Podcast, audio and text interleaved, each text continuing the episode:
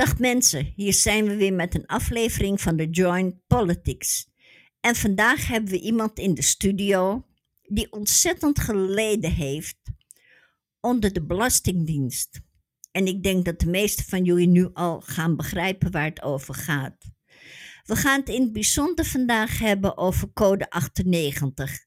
En ik wil eerst even in, bij ons verwelkomen Brit Borg. Dankjewel Brit dat je er bent en goedenavond. Goedenavond Anaïs, goedenavond Nanji. Fijn dat ik uh, mocht komen praten. En je kent mijn hobby, het gaat over code 98. Nou noem jij het maar een hobby, ik noem het meer marteling, maar goed. ja, vertel eens Brit, hoe zit het met die code 98? Ja, ik, dat zal ik eerst even uitleggen. En, uh, eind jaren 90 toen was er eigenlijk in de politiek frustratie over illegale die ze niet het land uitkregen. En dat werden illegale genoemd. Ik noem het liever ongedocumenteerde, want bij illegaal denk je gelijk dat mensen allemaal strafbare dingen doen. En dat is vaak helemaal niet het geval. En uh, toen hebben ze gezocht naar manieren om uh, ongedocumenteerden toch het land uit te krijgen. En dat, um, na heel veel overleg is er een koppelingswet gemaakt en die koppelingswet is in 1998 ingevoerd. En dat is eigenlijk een wijzigingswet. De, de koppelingswet is geen wet op zichzelf, maar een wijzigingswet.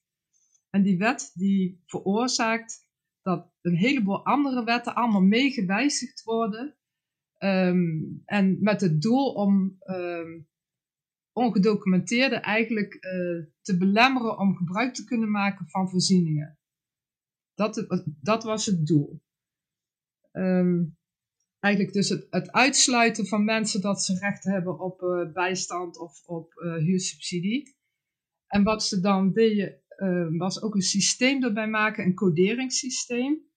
Die codes werden afgegeven door de IND, door het koppelingsbureau van de IND aan, de, ehm, aan het GBA, bij de gemeente. En aan de hand van codes werd dan bepaald of iemand recht op voorziening heeft. En een van die code, of de code waar ik het over heb, is code 98. En die is de code voor ongedocumenteerde dat je geen recht meer hebt op voorzieningen.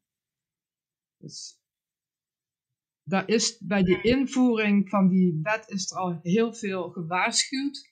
Dat het eigenlijk best wel gevaarlijk is om allemaal gegevens van mensen aan codes vast te koppelen. Plus er is voor gewaarschuwd dat als jij code 98 mensen uitsluit uh, via code 98 mensen uitsluit van voorzieningen, dat je dan ook onvermijdelijk mensen uitsluit die eigenlijk best wel rechtmatig in het land zijn. En um, er was één professor, ik heb even zijn naam opgeschreven, moet ik even zoeken. Die zei van, um, ja, dat was meneer Vonk, hoogleraar van de Sociale Verzekeringsbank. Uh, nee, ik zeg het. Nee, was hoogleraar Sociaal Verzekeringsrecht aan de VU. En die zegt, uh, met deze wet krijgen niet-EU-burgers ehm, eigenlijk dat ze als jachtterrein worden beschouwd. En dat is precies wat er gebeurd is. Via die code 98, als dat in het systeem staat, dan, kijken alle bedrijven kijken erin, organisaties, UWV, SVB, Belastingdienst, kijken in, die in, die, in dat systeem, zien een code en um, reageren daar meteen op met, oh, dit is uh, iemand die geen rechten heeft. Terwijl eigenlijk moet er dan gekeken worden van, van, uh, door de Belastingdienst bijvoorbeeld, van wat is de situatie, wat is er eigenlijk aan de hand. En dat stuk wordt heel vaak overgeslagen. Dus in principe is het ontstaan tegen fraude. Althans, wat men dan fraude noemt.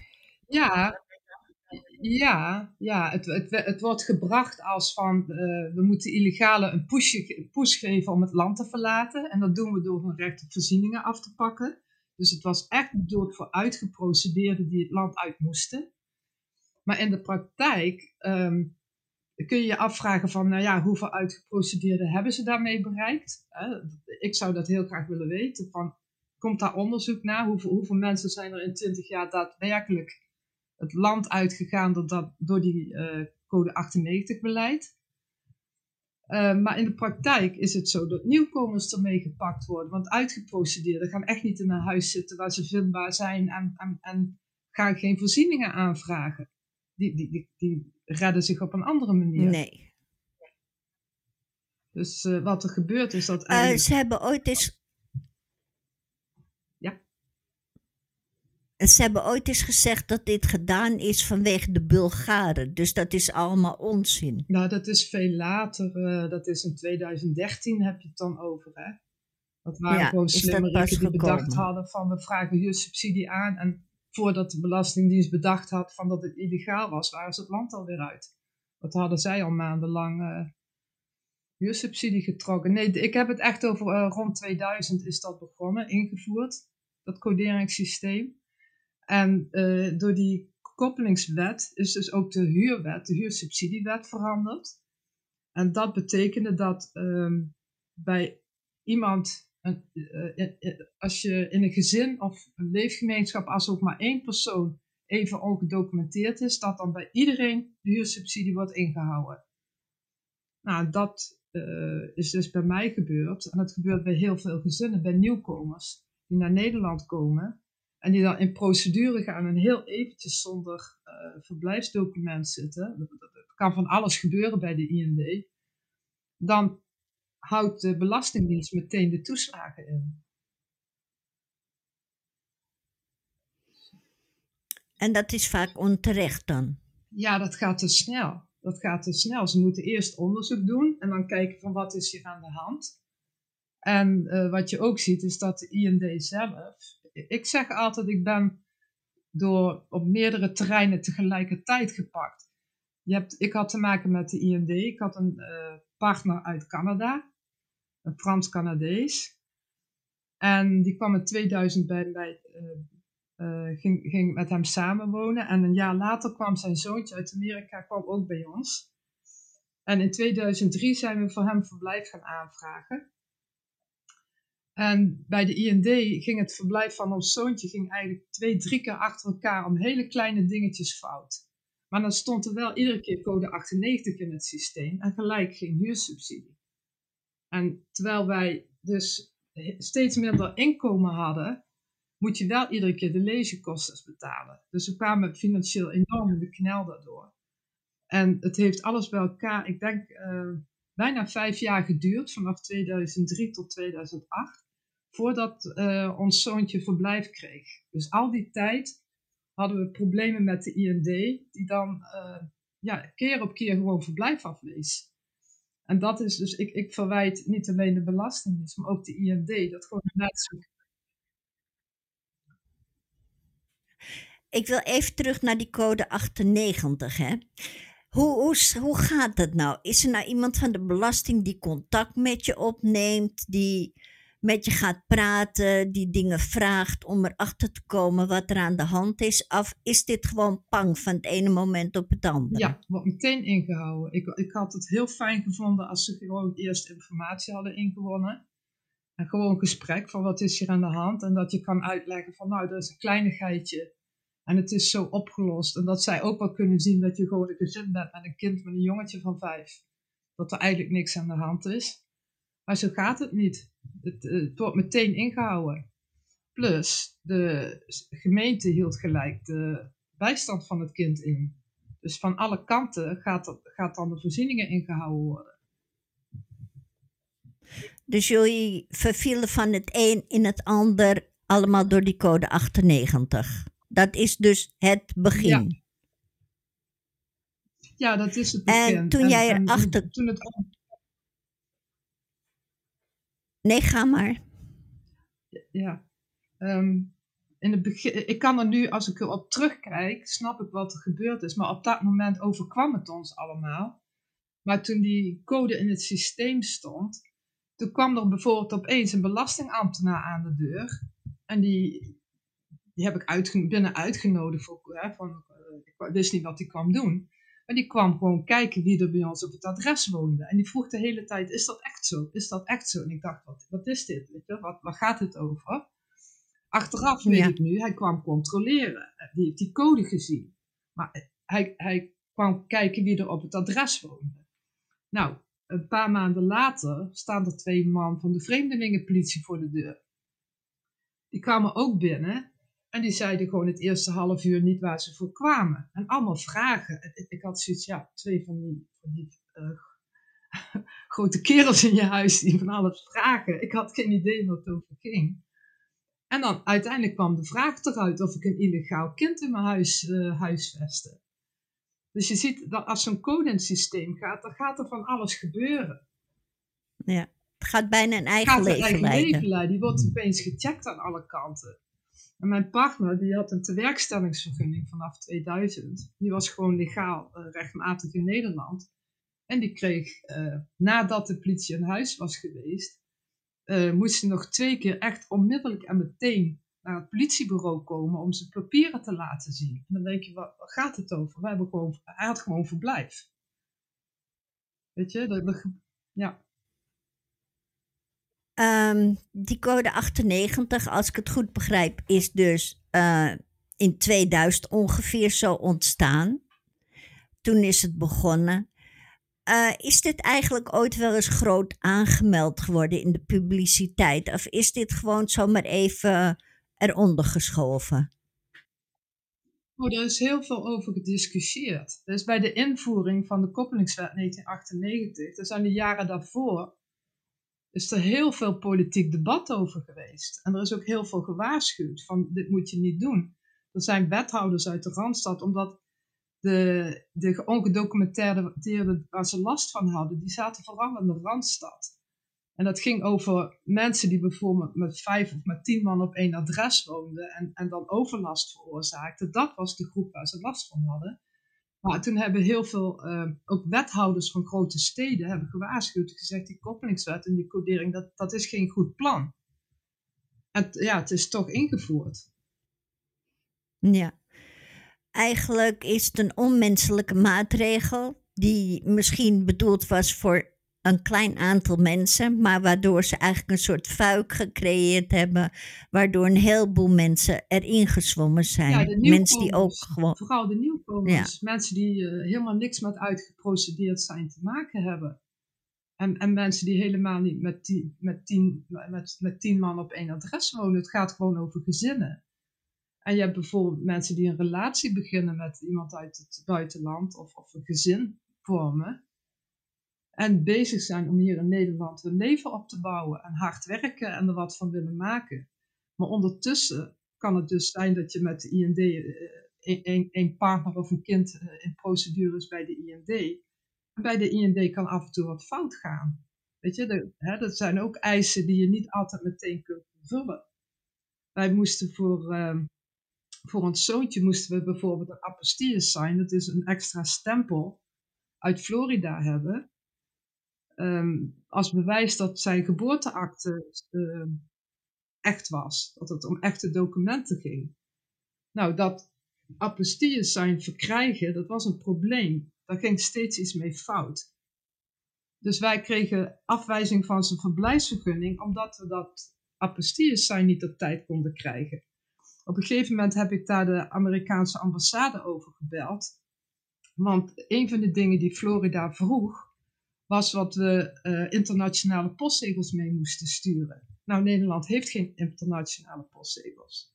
Dus ik heb toen advies gezocht bij de Amerikaanse ambassade. En toen zegt zo'n medewerker, die zegt, ja, jullie vallen tussen twee systemen in. Dus daar begon het al. Toen heeft hij, um, of zij was het een vrouw, heeft een kennis van haar in Florida gevraagd van, goh, gaat het apostille voor dat gezin in Nederland halen. Dus die hebben dat geregeld voor ons. Nou, dat is uit te leggen. Je kunt aan de IND gewoon uitleggen van hier is de geboorteakte, die hadden we al. Apostille zijn komt eraan. Weet je, zo. Dat, dat is uitlegbaar. We zijn geen fraudeurs. We hebben alleen het probleem om dat papier in Nederland te krijgen. En er wordt aan gewerkt. Nou, terwijl we daarmee bezig waren, heeft de vreemdelingenpolitie achter onze rug de, de aanvraag laten cancelen. Want die hadden code 98 gezien en die zijn gaan uh, Nee, ik zeg het fout. Die zijn gaan checken waar wij woonden. Toen hadden we de code nog niet. Die waren gaan checken waar wij woonden. En die, wij waren net verhuisd. Die zijn bij een leeg huis gaan kijken. Die hebben toen achter onze rug de eerste aanvraag laten cancelen. En daardoor kregen we code 98 de eerste keer. Ja. Nou, dan wil ik je even vragen, Brit. We zijn nu een beetje aangekomen bij jouw persoonlijke situatie. Jouw man was dus, als we daar even bij beginnen, was een Canadees. Wil je daar vertellen hoe dat in principe gegaan is met jullie? Oh, dat is wel een verhaal op zichzelf. Um, ja, maar ik bedoel, ik wil niet weten hoe jullie aan elkaar gekomen zijn, maar ik bedoel hoe de problemen zijn begonnen. Dus de, in jullie persoonlijke relatie. Dus niet met elkaar, maar door de Belastingdienst. Ja, dat, dus is, dan, dat is dan begonnen als uh, zeg maar de vreemdelingenpolitie de eerste keer de verblijfsaanvraag cancelt van, uh, van, van het kind.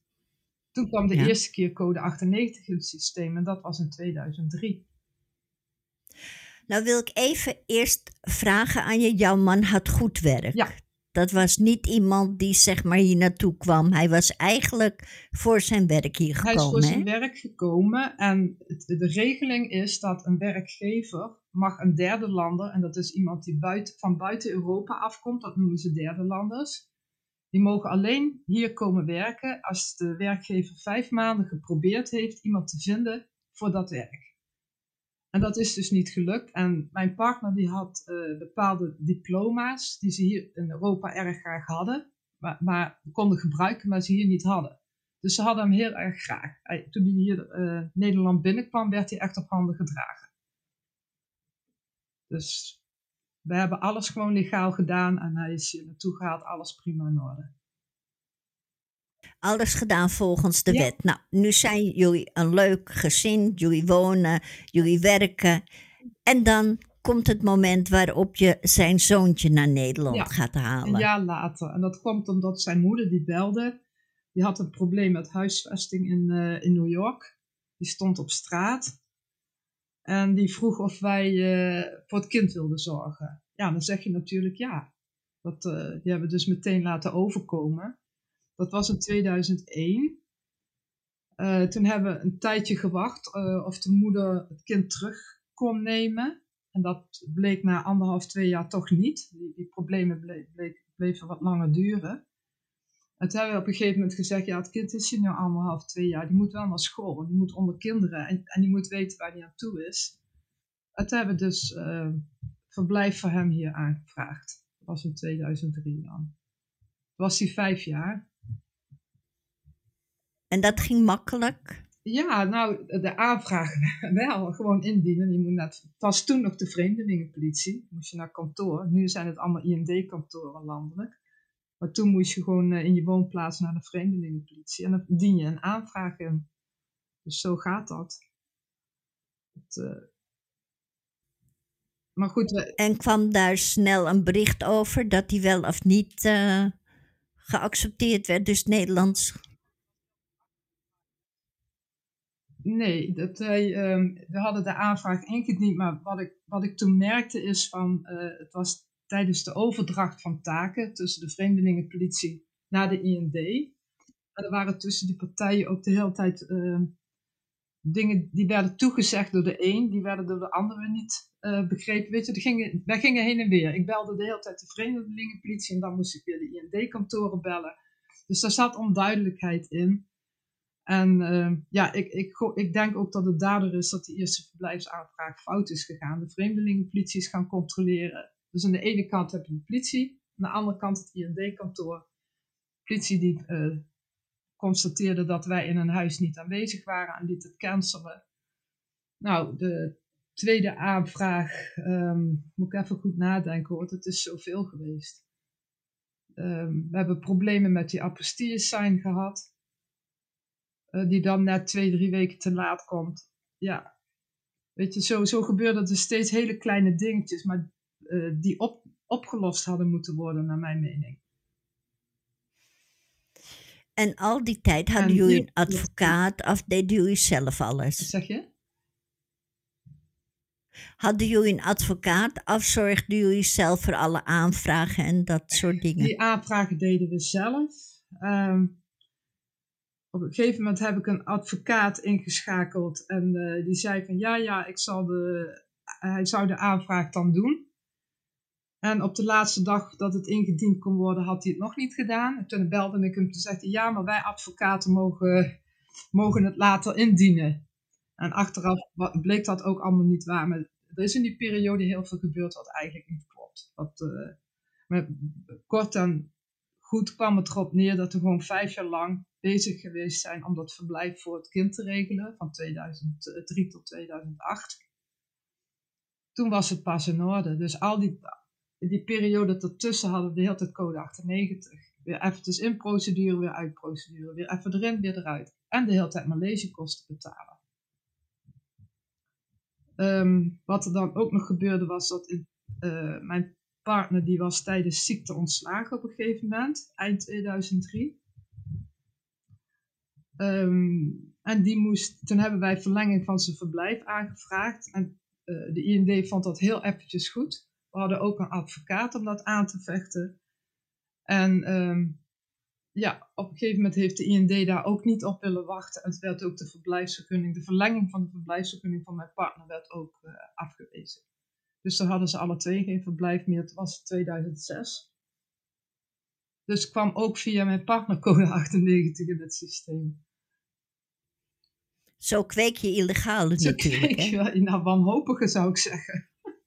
Ja, nou, dat vooral. Maar voor hun. Kijk, voor jullie is het uh, een wanhoop. Voor jullie is het een pure ellende natuurlijk. En toen, hoe ging dat verder? Toen werd je man ziek. Hij was op een gegeven ogenblik eigenlijk illegaal in Nederland. Je kind was illegaal in Nederland. Ja, dan ga je hulp zoeken. Hè? Dus ik heb de gemeente Venlo, eh, burgemeester en wethouder, natuurlijk een brief gestuurd. En boven die brief had ik in grote letters geschreven, brandbrief. Want ik dacht, ik heb nu heel hard hulp nodig. En uh, ja, de burgemeester zei van, ja, dat is ons pakje Jan niet. Je moet bij de IND zijn. Weet je, die, die, die, doordat, doordat wij gewoon. Ik had maatschappelijk werk ingeschakeld, ik had jeugdzorg ingeschakeld. Ik dacht, deze situatie is zo, zo chaotisch en ik zit hier met andermans kind. Weet je, ik, ik wil daar geen fouten in maken. Dus ik heb organisaties erbij gehaald ook. Dat je niet na tien jaar zegt van ja mevrouw, je had het of dat, weet je. Ik dacht van kom er maar nu bij zitten. En uh, maatschappelijk werk die had toen berekend dat wij per maand 500 euro tekort kwamen om uh, onze huur te betalen. En, en elektra en ziekenzorg en allemaal dat. Dus 500 euro per maand was tekort. En in 2005 zijn we uh, alle twee in de schuldsanering terechtgekomen en in de WSP failliet verklaard. En wat je dan wat, wat ik wist en wat ik maar niet uitgelegd kreeg, ook niet aan schuldhulpverlening, dat als je code 98 hebt, um, daar kun je niet tegen beschermen. Ze kunnen je dan wel in de WSNP doen, dat het even tijdelijk opgelost is. Maar zolang jij een gezin hebt met mensen in IND-procedures, kan die code dadelijk weer beginnen. En weer beginnen. Weet je? Dus in de WSNP gaan helpt niet. En ik was uh, 2004, 2005 de hele tijd bedreigd met huisuitzetting en, uit, en afsluiten van gas, water en licht. En dan komt er wel welwillende hulp van mensen van je kan in de schuldhulp of je kan in de WZP. Maar dat is niet zo. De WZP mag je maar één keer. Maar ook schuldhulp, niemand kan uh, de gevolgen van code 98 oplossen. Zodra die er staat, gaande, heb je weer inkomstentekort. En ik wist dat en ik heb daar ontzettend veel stress van gehad. Van het idee van, ik kan mijn huis uitgezet worden. En dadelijk gaan alle goedwillende mensen die zorgen hier weer voor nieuwe huisvesting. Maar ik weet dat ik dan na anderhalf jaar weer mijn huis uit kan. En weer. Weet je, je zat eigenlijk als een rat in de val. Met die... Uh... En niemand kwam je te hulp, zeg maar, van overheidswegen? Nee, niemand kwam mij te hulp. In 2004, 2005 heb ik uh, Kamerleden aangeschreven. Ik heb Boris Dietrich gevraagd, want hij was heel veel met mensenrechten bezig. Uh, ik heb hoogleraren aangeschreven, de, lokale ombudsman, gemeenteraadsleden. Je kunt het niet verzinnen. Maar um, Kamerleden zeiden van ja, je moet dan maar hulp vragen bij advocaten. Ik werd eigenlijk meestal richting advocaat gestuurd. Terwijl advocaten zeiden, ja, maar we kunnen je niet helpen. die zeggen van ja, ten eerste is het de wet, die code 98. Ten tweede was ons, uh, of mijn dossier tegen die tijd al zo groot en zo omvangrijk met zo ontzettend veel beschikkingen. Want we kregen niet alleen, niet alleen te maken met die code 98 beleid, we kregen daar de toeslagenaffaire bovenop.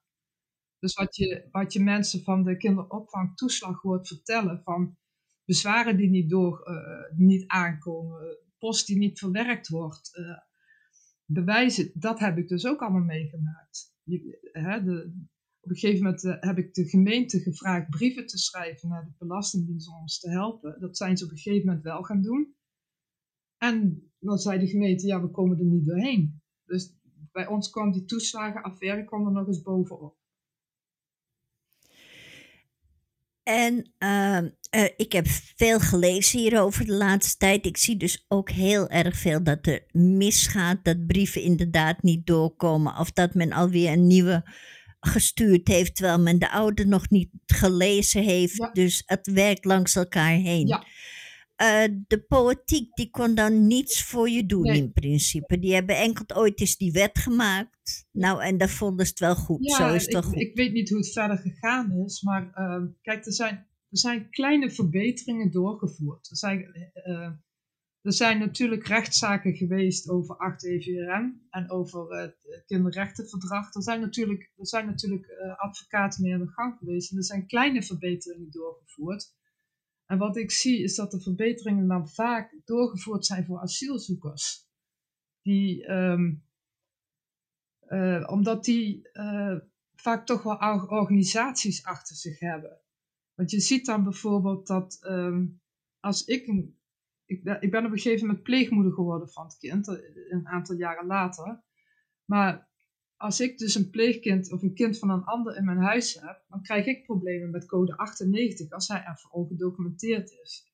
Maar op een gegeven moment in 2006 is, de, is het zo veranderd, de wet, dat um, als een alleenstaande asielzoeker, een minderjarige asielzoeker, wordt geplaatst bij een pleeggezin via NIDOS, via de pleeggezinnen. Een AMA. Hè? Een AMA. Een... Ja. En die wordt geplaatst door het NIDOS en die komt bij een Nederlands gezin. en dat kind zou even buiten procedure zijn, dan, dan wordt dat gezin niet gekocht via code 98. Dat is oneerlijk. Ja, dat is oneerlijk. En zo zijn er meer dingetjes hoor. Er zijn meer dingen uh, waar ik vastgesteld heb van ja, er is wel hulp. Op een gegeven moment zijn er de statushouders geweest die ook problemen kregen met code 98. En heeft Vluchtelingenwerk voor gelobbyd en de zaken opgelost. Maar voor mij als Nederlander is er geen club die, is niemand die, die dat oplost. En ik heb een Nederlands zoontje met een Nederlandse nationaliteit. Ik verlies als Nederlander met recht op voorzieningen gewoon mijn voorzieningen. Mijn rechten. Omdat ergens een IND iets doet of omdat ergens een belastingdienst iets doet. En ik, ik vind dat helemaal onacceptabel. En er is niemand die het monitort. En datzelfde geldt dus ook voor uh, mensen die uh, rechtmatig in Nederland zijn en verblijf hebben gekregen, die, die dus ook recht op voorzieningen hebben, en die toch kwijtraken als een kind of een partner uh, tijdelijk een probleem heeft. Dus ik, ik vind dat niet in verhouding staan, die maatregelen. Nee, het is niet eerlijk. Maar zoals omzicht, heeft die nou nog wat kunnen veranderen of kunnen bereiken? Ja, dan maken we of... de sprong naar deze tijd. Kijk, om, omzicht ja. die heeft uh, in januari 2000, dit jaar, 1921, heeft hij een uh, motie ingediend. Waarin hij uh, verzoekt dat wetten op hardvochtigheid gecontroleerd gaan worden. En er is nou ook een, een, commissie uh, samengesteld die dat, die dat aan het doen is. En er wordt gekeken naar de, bijvoorbeeld de participatiewet. van hoe, hoe pakt die uit? mensen met, die met PGB's te maken hebben. Die, die, dat wordt naar gekeken van hoe, hoe pakt dat uit. Dus UWV, er zijn gewoon meerdere, meerdere gebieden waarop wetgeving is die ze nu gaan nakijken. Maar ik zie nog niet de huursubsidiewet en code 98 erbij staan. Terwijl ik denk dat is de nummer 1 die de, waarna onderzoek gedaan moet worden. Ja. Eh, Dat is het begin eigenlijk. Hè? Het begint natuurlijk allemaal met die code 98. ja, en ik heb me vaak afgevraagd of dat, eh, kijk, omdat er toen ook al gewaarschuwd is voor fraudejacht. En ik denk dat als je eh, ambtenaren bij de Belastingdienst, als je die opdraagt of aanleert dat je beschikkingen kunt maken waarbij je gezinnen echte vernieling in helpt, hè? maar dat mag, want het is de wet, dan denk ik dat het maar een klein stapje is naar de kinderopvangtoeslagaffaire. Want dan heb je toch al een, in een heel apparaat, al jarenlang, twee decennia bijna, toegestaan dat er wetgeving is die bikkelhard is. En dan zie je dat rechters, want er zijn, er zijn advocaten die geprocedeerd hebben tegen code 98, en dan zie je dat de rechter dat steeds steunt. Die steunt dan de Belastingdienst bij maatregelen waardoor gezinnen bijna niet meer kunnen functioneren. Dus ja, ik, ik denk dan van ja, die, die fraudejacht is toen al begonnen. En, en je hebt het mensen aangeleerd dat dat oké is. Ja.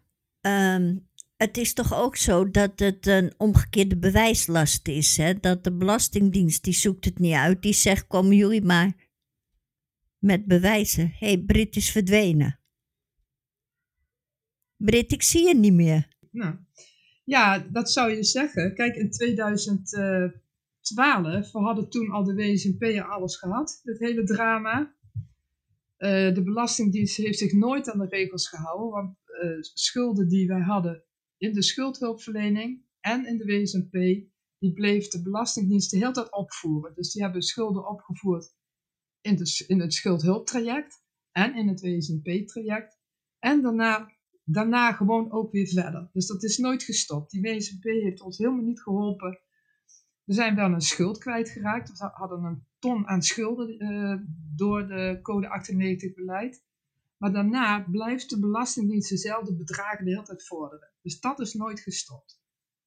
En dan in 2012 krijg ik opeens brieven. Um, je hebt een ongedocumenteerde in huis. En um, moest ik uh, de huursubsidie van 2012, 13 en een deel van 2014 terugbetalen. En kreeg ik brieven dat ik uh, opzet grove schuld had. Dus uh, toen begon het weer opnieuw, terwijl we toen helemaal niks, niet in procedure of buiten procedure, helemaal niks hadden.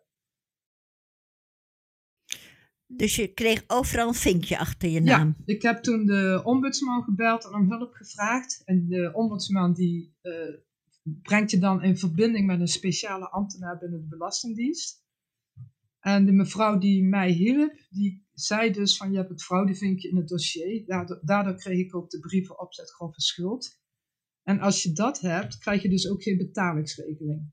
Dus toen begon het weer opnieuw en, en de paniek die ik daardoor had, die is niet te beschrijven. Die is echt niet te beschrijven. Dat, dat, ik, was, um, ik had speciaal een advocaat van een heel goed advocatenkantoor in Amsterdam ingeschakeld.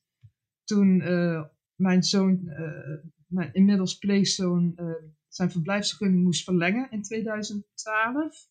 Dus ik heb heel erg zorgvuldig gezorgd dat er geen moment ook maar even een, een, zelfs maar een week kon zijn dat hij niet in rechtmatig in Nederland was.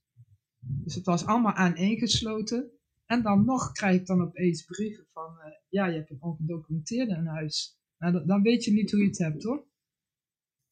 Maar is het nou willekeur, onmacht? Wat is dat van zo'n belastingdienst, zo'n groot apparaat? Ik zou het eerlijk niet weten, uh, Anaïs. Ik zou het niet weten. En de vraag die ik ook heb, kijk, in 2007 uh, was er een ambtenaar van de Belastingdienst die ook bij de gemeente werkte. Die, die, die, wisselde, die, die leende ambtenaren uit onderling, begreep ik. En die ambtenaar in 2008, die noemde mij op het gemeentekantoor tijdens een vergadering waar ik niet bij was, een fraudeur. Dus de vraag die ik de hele tijd heb is, hoe lang loopt dat fraudeur uh, vinkje eigenlijk al? Weet je? Hoe, hoe lang loopt er al een fraudesignaleringssysteem? Dit is erg. Je wordt ergens van beschuldigd. Je krijgt de naam fraudeur. En in plaats dat hun gaan uitzoeken wat er aan de hand is, doen ze niets. Nee, je wordt fraudeur genoemd. En een, een andere ambtenaar, die belde mijn bewindvoerder op. En die zei van, ja, hou maar op met mevrouw Borgaerts helpen, want die maakt toch alleen maar schulden. Terwijl ik, ik had alleen maar schulden omdat de voorzieningen werden, de, eh, de, de huursubsidie werd ingehouden. Had je zorgtoeslag toen de tijd? Ja, of nog, de zorg- is het ook afgenomen? mij, ehm, nee, het, het, het, kind krijgt dan ook geen zorgtoeslag. Volgens mij kreeg ik zelf wel zorgtoeslag. Het is vooral de huurtoeslag die ingehouden wordt, code 98. Ehm, ik ga nu weer even terug naar jullie situatie. Jouw man, die is ziek geworden en die is op een gegeven ogenblik het land uitgegaan. Ja. Klopt dat? Ja. Hij was al ziek. Wil je daar- Ja, hij was al ziek eh, geworden in 2003, 2004. En dat, dat kan ik allemaal niet zo heel goed vertellen nu wat daar de oorzaken van waren. Maar dat, hij was in een psychose geraakt door stress. En ook door de angst de hele tijd, die dreigende uitzetting van zijn kind. Wij, wij, wisten dat het kind niet terug kon naar New York. Dat, dat, dat, dat wisten we. Dat die, dat, daar was geen plek. Maar je hebt dan de hele tijd die stress dat die IND, die luistert af en toe ook niet. Weet je, dus die, Jack, mijn, partner kon die eh, stress niet goed handelen. En eh, in 2006 ehm, heeft de IND hem terug naar Canada gestuurd om zijn paspoort te halen. Er was een probleem met het paspoort. En dat kon niet vanuit Nederland worden opgelost. Ehm, achteraf zegt de advocaat dat hij nooit naar Canada gestuurd had mogen worden, maar dat is achteraf. Op dat moment moest het wel.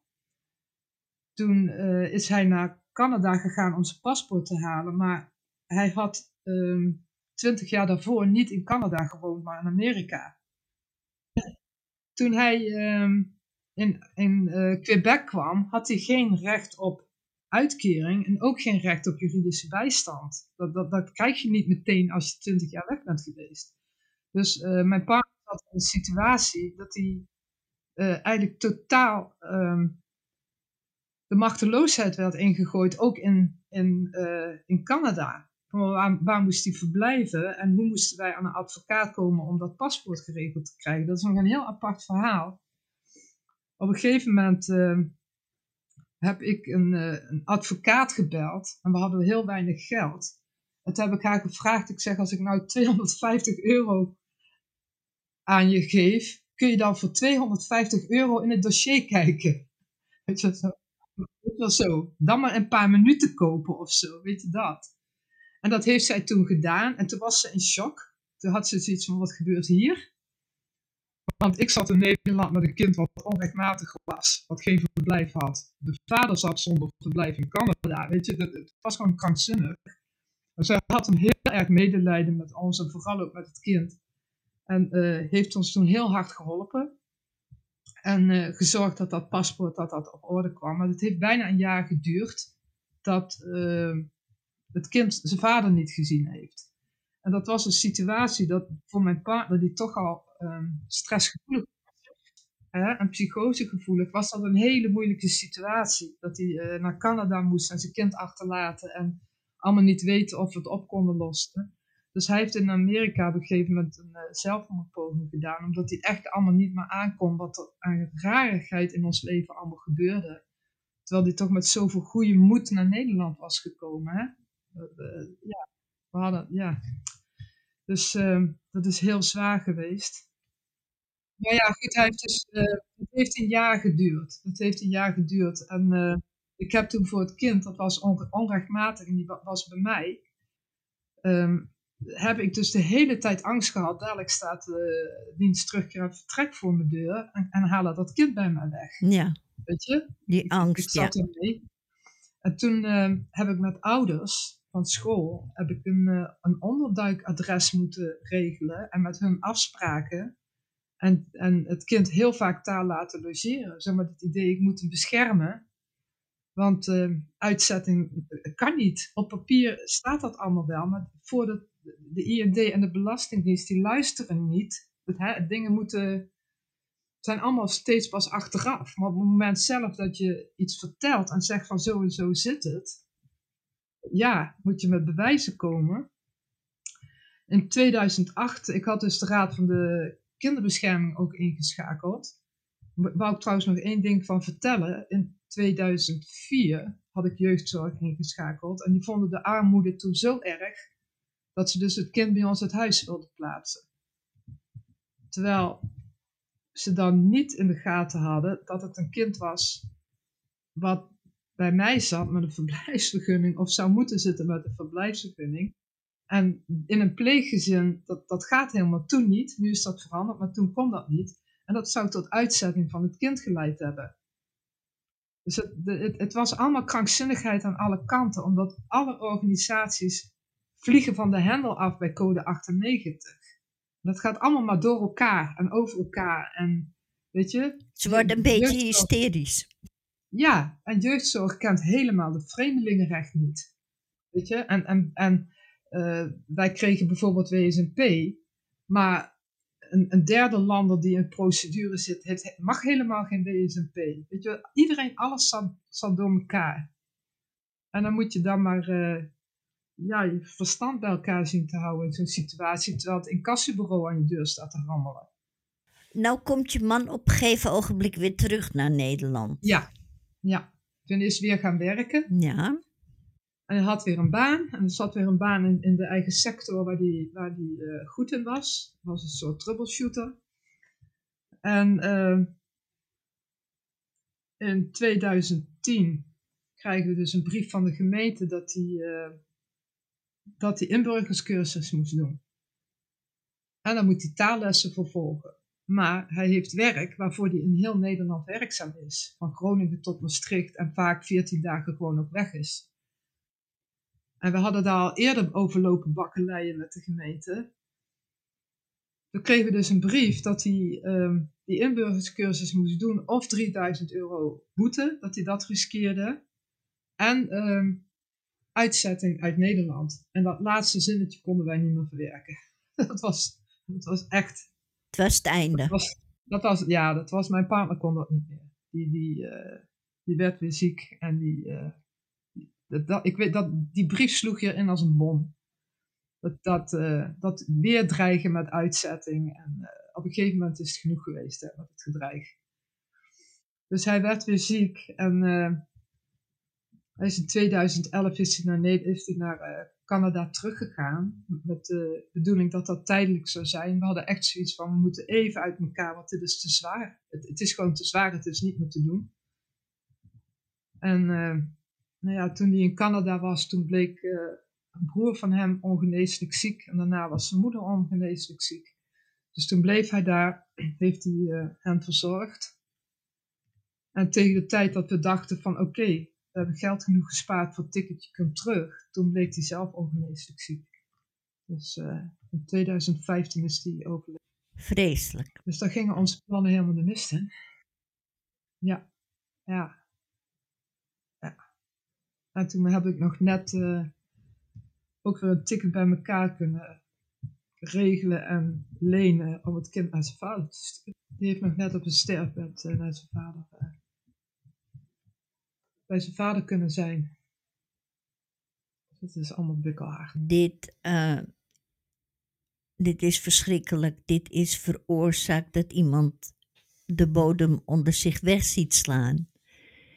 En ik kan me indenken dat dit heel hevige stress op jullie gezin heeft veroorzaakt. Ja, dat is ook zo. Je kunt het bij ons allemaal zien. In de, uh, ik, ik heb ME, dat heb ik al vanaf mijn zeventiende jaar. Toen ben ik ziek geworden van een virus, van uh, Pfeiffer. Dus daar was ik al chronisch ziek van. Maar in het jaar 2000 uh, eh, kon ik nog halve dagen werken en dingen doen en lopen en, al, en mijn zaken geregeld krijgen. Maar toen dat begon met, ja, met de enorme stress aan alle kanten in 2012, 2009 ben ik in het ziekenhuis opgenomen met hartklachten. Toen bleek dat uh, mijn bloedwaardes waren allemaal bijna niet meer vindbaar. Zeg maar mijn ijzer, je vitamine B1, 2, 3, alles wat je in je bloed hebt, dat was bijna niet meer vindbaar in mijn, in mijn uh, bloed. Dat was helemaal uitgewoond. En in 2012 kwam ik in een rolstoel. Dus die beschadiging die is, uh, is zo Ik kom ook niet meer uit de rolstoel. Het is gewoon een beschadiging die er nu is. En dan moet ik het mee doen. Dat is onomkeerbaar. Dus onomkeerbaar, ja. Dat, eh, ik, ben- ik ben eh, een paar jaar zo goed als bedlegerig geweest. Dat ik geen geluid meer kon verdragen. Ik kon geen licht meer verdragen. Ehm, per dag één of twee uur beneden, weet je wel zo. En het allerergste is dat je in zo'n situatie gaat de Belastingdienst nog steeds door. Hè? Dat, dat gekkenhuis gaat gewoon door. Ze hebben geen Dus heb- medelijden. Nee, ik heb op mijn bed gelegen in het donker met de Belastingdienst aan de telefoon en gewoon smeken aan hem. Van, ga van me af, ga alsjeblieft weg, weet je wel zo. Laat me met rust.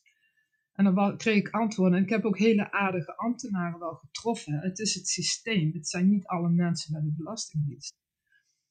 Maar die waren dan van, ja mevrouw, we zien het. We zien de chaos in het dossier, maar we kunnen niks doen. We kunnen u niet helpen. Ik heb een ambtenaar gehad die zei: Mevrouw, ga lekker buiten het zonnetje zitten. Want eh, wij, wij, hier is het een puinhoop, het is een chaos. Wij kunnen u niet helpen. Op een gegeven moment, ehm, ehm, ik denk een jaar of twee geleden, ben ik terechtgekomen bij een ambtenaar van het Stella-team. En die heeft in ieder geval de invorderingen voor mij allemaal nu stopgezet. En die garandeert me de hele tijd dat hij alles voor me doet om me te helpen. En dat is een enorme geruststelling. Alleen blijf je altijd in je achterhoofd houden van eh, wanneer begint het weer. Ja, natuurlijk. Want er staan allemaal schulden, er staan nepschulden. Er staan allemaal bedragen in die niet kloppen. En de gemeente Venlo heeft me ook niet makkelijk gemaakt. Die heeft bij herhaling foute inkomstengegevens opgegeven. Dus er staat gewoon heel veel wat niet klopt. Dus wat, wat ik graag zou willen is een briefje van de Belastingdienst van... Wij schrijven jou hier uit. We laten je met rust en je krijgt het geld terug wat we gevorderd hebben. geld. En eh, we zijn, ja, je hebt nog een paar goede jaren. Ik ben 67. Ik heb nog wat jaren nodig, weet je. Ja, En je vroeg de effect op de- het gezin. Eh, ik heb één zoon van 33, mijn oudste, die is Ja. journalist. Maar die, ehm, ja, die kan niet veel stress hebben. Hij zegt, ik heb zoveel problemen. Zo, hij, zegt, ik heb zoveel stress gehad om mijn moeder, zegt hij. Hij zegt, ik was zo bang altijd dat jij met je handicap op straat zou komen. Dus dat, dat heeft hij vanaf zijn 15, 16 jaar gezien. En het dreigement dat zijn broertje weggestuurd zou worden. ja. Weet je, hij, hij heeft het, hij was op de leeftijd dat hij bewust was en die dingen zag. Dus ehm, nee, dat, Je zou kunnen zeggen dat jullie getraumatiseerd allemaal Ja. zijn. 100%. Als er een brief binnenkomt, een blauwe brief, Schrik je. dan kan ik die niet openmaken. En dan ik krijg zweethanden. Echt letterlijk. Ik heb wel gehad dat er brieven lagen dat ik naar boven moest kruipen mijn bed in. Dat ik dacht, ik kan niet meer. Rot op met die brieven, ik kan niet meer.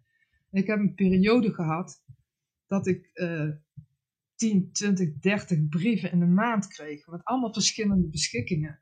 Ja? En dan belde ik de Belastingdienst en dan krijg je van, ja mevrouw, dan moet u bezwaar maken. En dan zei ik, ja, tegen welke brief precies? Ja mevrouw, dat is uw verantwoording. Weet je wel zo. Nou, dat is wel lekker kort door de bocht hoor. Ja. hoor. Ja, ook iemand van het Stella-team die dus speciaal is om burgers te helpen. En niet de ambtenaar die me nu helpt, maar eentje voor, daarvoor. Die zei ook de hele tijd, ja, moet je maar bezwaar maken. En Dan ga je door het lint hoor, als er zo tegen je gepraat wordt. Ja, tuurlijk. 14 brieven. Mm. Ja. Is, er, is er nu kans dat je in de kleer komt? Dus dat ze dat gaan allemaal terugdraaien? En dat, Ja, dat, dat is de grote vraag. En ik durf daar niet erg op te hopen. Ik, ik heb al zoiets van, als ze me met rust laten, ben ik al helemaal blij. Kijk, ehm, we, hebben nu dat, we zien nu het herstel van de kinderopvangtoeslag. En we zien dat dat langzaam gaat. En dat heel veel ouders ehm, in de wacht zitten en, en geld is toegezegd. Maar nog steeds zie je ouders die eh, het verjaardagsfeestje van hun kind niet kunnen vieren of geen matras kunnen kopen. Weet je wel, dan, dan staat, Ja. krijgen ze 30.000 en dat wordt naar de bewindvoerder gestuurd. En dan kunnen ze nog niet bij het geld. En dat zijn verschrikkelijke situaties. Dat zie je nu bij de kinderopvangtoeslag. Terwijl de huurtoeslag en de overige gedupeerden, zeg maar ook bij de inkomstenbelasting, dat is allemaal vooruitgeschoven naar 2022. En ik snap dat niet helemaal, want ik denk dan als je een, als je een ongeluk hebt en je rijdt een auto in puin, dan kun je niet alleen de mensen op de voorbank helpen. mm, Maar dat is wat, wel wat nu gebeurt. De boodschap die ik de hele tijd krijg is van, hou het maar vol, hou het maar vol. U bent Kijk, nog niet aan de beurt. Weet je? En ik praat niet alleen namens mij, ik praat namens een heleboel mensen die met die code 98 problemen zitten en die met kinderen zitten in hele diepe armoede. Dan denk ik, die hebben ook nodig dat er een moratorium op de schulden komt. Want zet die schulden dan stil. Weet je, dat, dat de mensen in ieder geval een rust kunnen wachten. Doe een handreiking, want Doe een handreiking en laat zien dat je er bent. Maar deze groepering wordt gewoon naar voren geschoven. En ik ken, ik ken een eh, Afghaanse jongen, die is nou een jaar of 4, 25. Die kwam in 2015 naar Nederland, gevlucht uit Afghanistan samen met oma. Oma die kreeg door een speciale regeling van de, voor Afghaanse vrouwen kreeg ze gelijk verblijf. Maar hij, zijn, procedure heeft de END, END voor gekozen om die pas na anderhalf jaar af te handelen. En in eerste instantie zei ze steeds tegen hem, ja maar je krijgt geen verblijf en bewijs jij maar dat je familie van oma bent.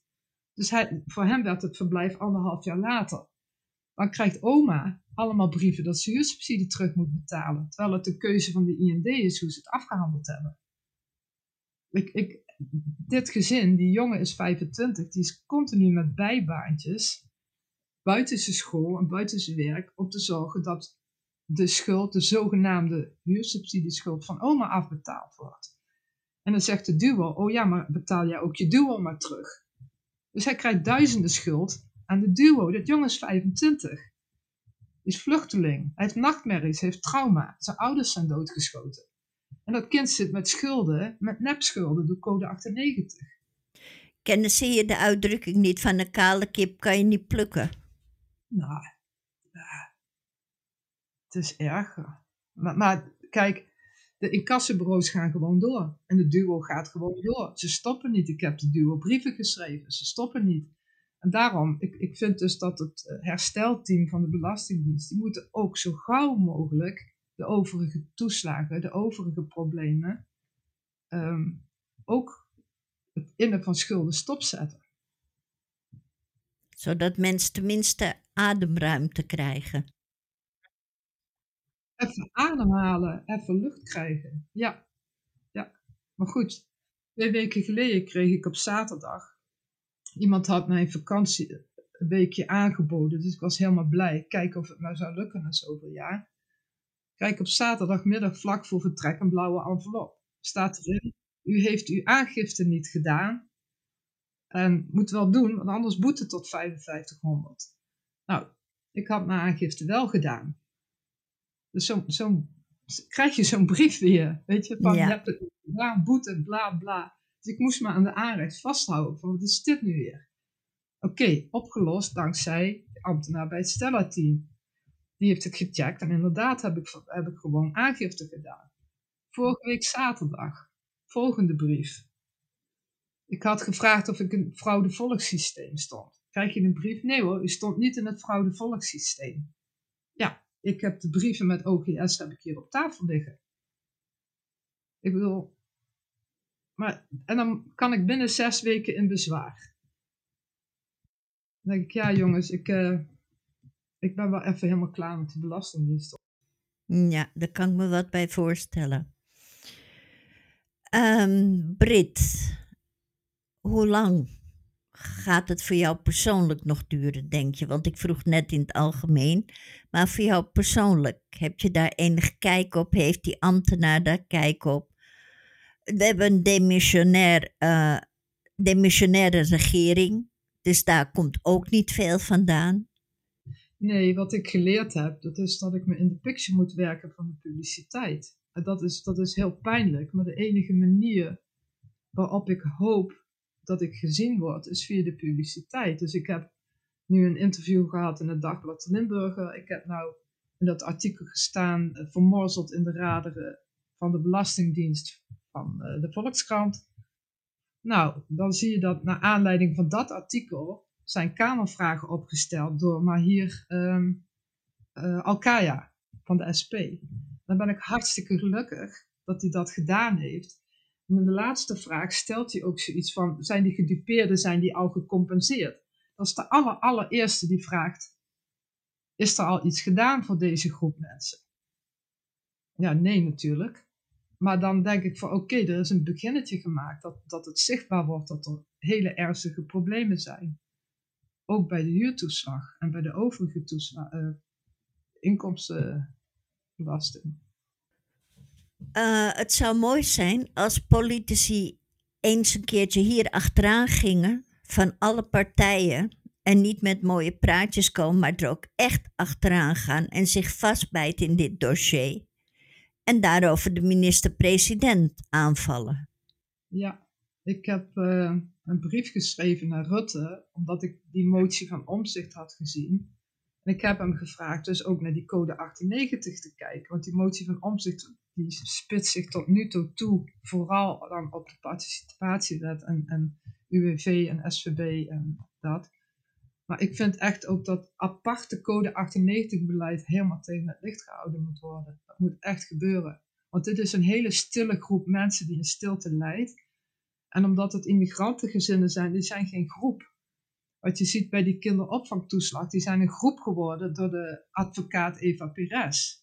Die, die, en doordat het één toeslag is, die zijn die met elkaar gaan optrekken. En Renske heeft gelukkig de boel opgepakt en uh, Farid Azarkan. Maar uh, de code 98, daar zie ik nog niemand die het oppakt. Maar ook niemand die de, die de groep zoekt. Hè, die de mensen bij elkaar brengt. Ik heb op Facebook heb ik wel een, uh, ben ik een pagina begonnen. Gedupeerde huurtoeslag door code 98. Daar kunnen mensen naartoe. En daar probeer ik al mensen bij elkaar te krijgen. En lukt dat? Nou, een stuk of 140 mensen, maar dat zijn veel ook mensen die ook uh, kinderopvangtoeslag gedupeerden zijn. En met hun ben ik ook in gesprek van check goed, omdat het migrantengezinnen zijn. Ja. Check goed of je niet ook code 98 hebt gehad. Dat je ook vanuit die kant problemen hebt gehad. Dus die zitten er zeker ook, die dubbel, mm. uh, die dubbel problemen hebben. Ja. Brit, ik denk dat we bijna doorzitten. Ja. Hè? Nou, dankjewel uh, Anaïs voor het gesprek. Het was niet makkelijk om allemaal doorheen te gaan. Dat weet ik. Ik heb ook de vragen die ik stelde, heb ik geprobeerd niet fel te zijn. Want ik weet, jij bent de gedupeerde. Het zou veel makkelijker zijn als ik hier een politici tegenover mij had zitten. Die ik hierbij kon aanvallen het is, het is schandalig hoe Nederland omgaat met zijn eigen burgers, maar ook hoe men omgaat met mensen van andere landen. En ik hoop dat politici luisteren naar deze uitzending en dat ze ook inzien dat hier werkelijk wat moet gebeuren. Want we zijn al te laat. Het is al. Het kalf is al verdronken, maar er gaan nog steeds kalveren in. En ze moeten nu een keer beginnen met hier iets aan te doen. Niet enkel praten, niet enkel zeggen van vreselijk of op de televisie komen, maar die echt tegen ingaan. Ja, ik moet vaak aan de woorden van uh, mijn partner Jack denken. Die vertelde dan dat hij uh, vijf ooms had die tijdens de Tweede Wereldoorlog naar, naar Europa zijn gekomen om hier de democratie te beschermen. En dan zei hij wel eens van, het wordt hier de laatste tien jaar alsmaar slechter en slechter. Hè? Nederland bewaakt de democratie niet. Dat, uh, dat mogen we ons te harte nemen. Dat er mensen voor naar, naar Europa zijn gekomen om, om ervoor te vechten. Om de democratie te beschermen die nu met voeten getreden wordt. Nou, we geven het weg, beetje bij beetje, maar het wordt steeds gewoon weggegeven mensen, we, komen nu in nieuwe gevangenissen, gevangenissen met coderingen en uh, regelgeving. En het is allemaal heel groot, maar we moeten terug naar de menselijke maat. Dat mag niet vergeten worden. Inderdaad, Brit. Uh, Brit, ik dank je heel erg dat je je verhaal bij ons hebt willen doen. Ik vond het best wel emotioneel. Ik snap ook hoe jij hieronder moet lijden, maar ook je gezin en wat dat met jullie gedaan heeft. En daarom, ik ben zo blij dat je dit ons hebt willen vertellen, dat je hebt willen laten horen aan de mensen hoeveel verdriet en pijn dit brengt in een gezin. Ja, dankjewel dat ik dat heb mogen vertellen en dat ik ook spreekbuis mag zijn voor heel veel andere gezinnen. Graag gedaan, Brit. Ja. Beste mensen, dit was de Joint Politics over het toeslagenschandaal. Ik vind je kan niet eens van een affaire spreken, het is een schandaal.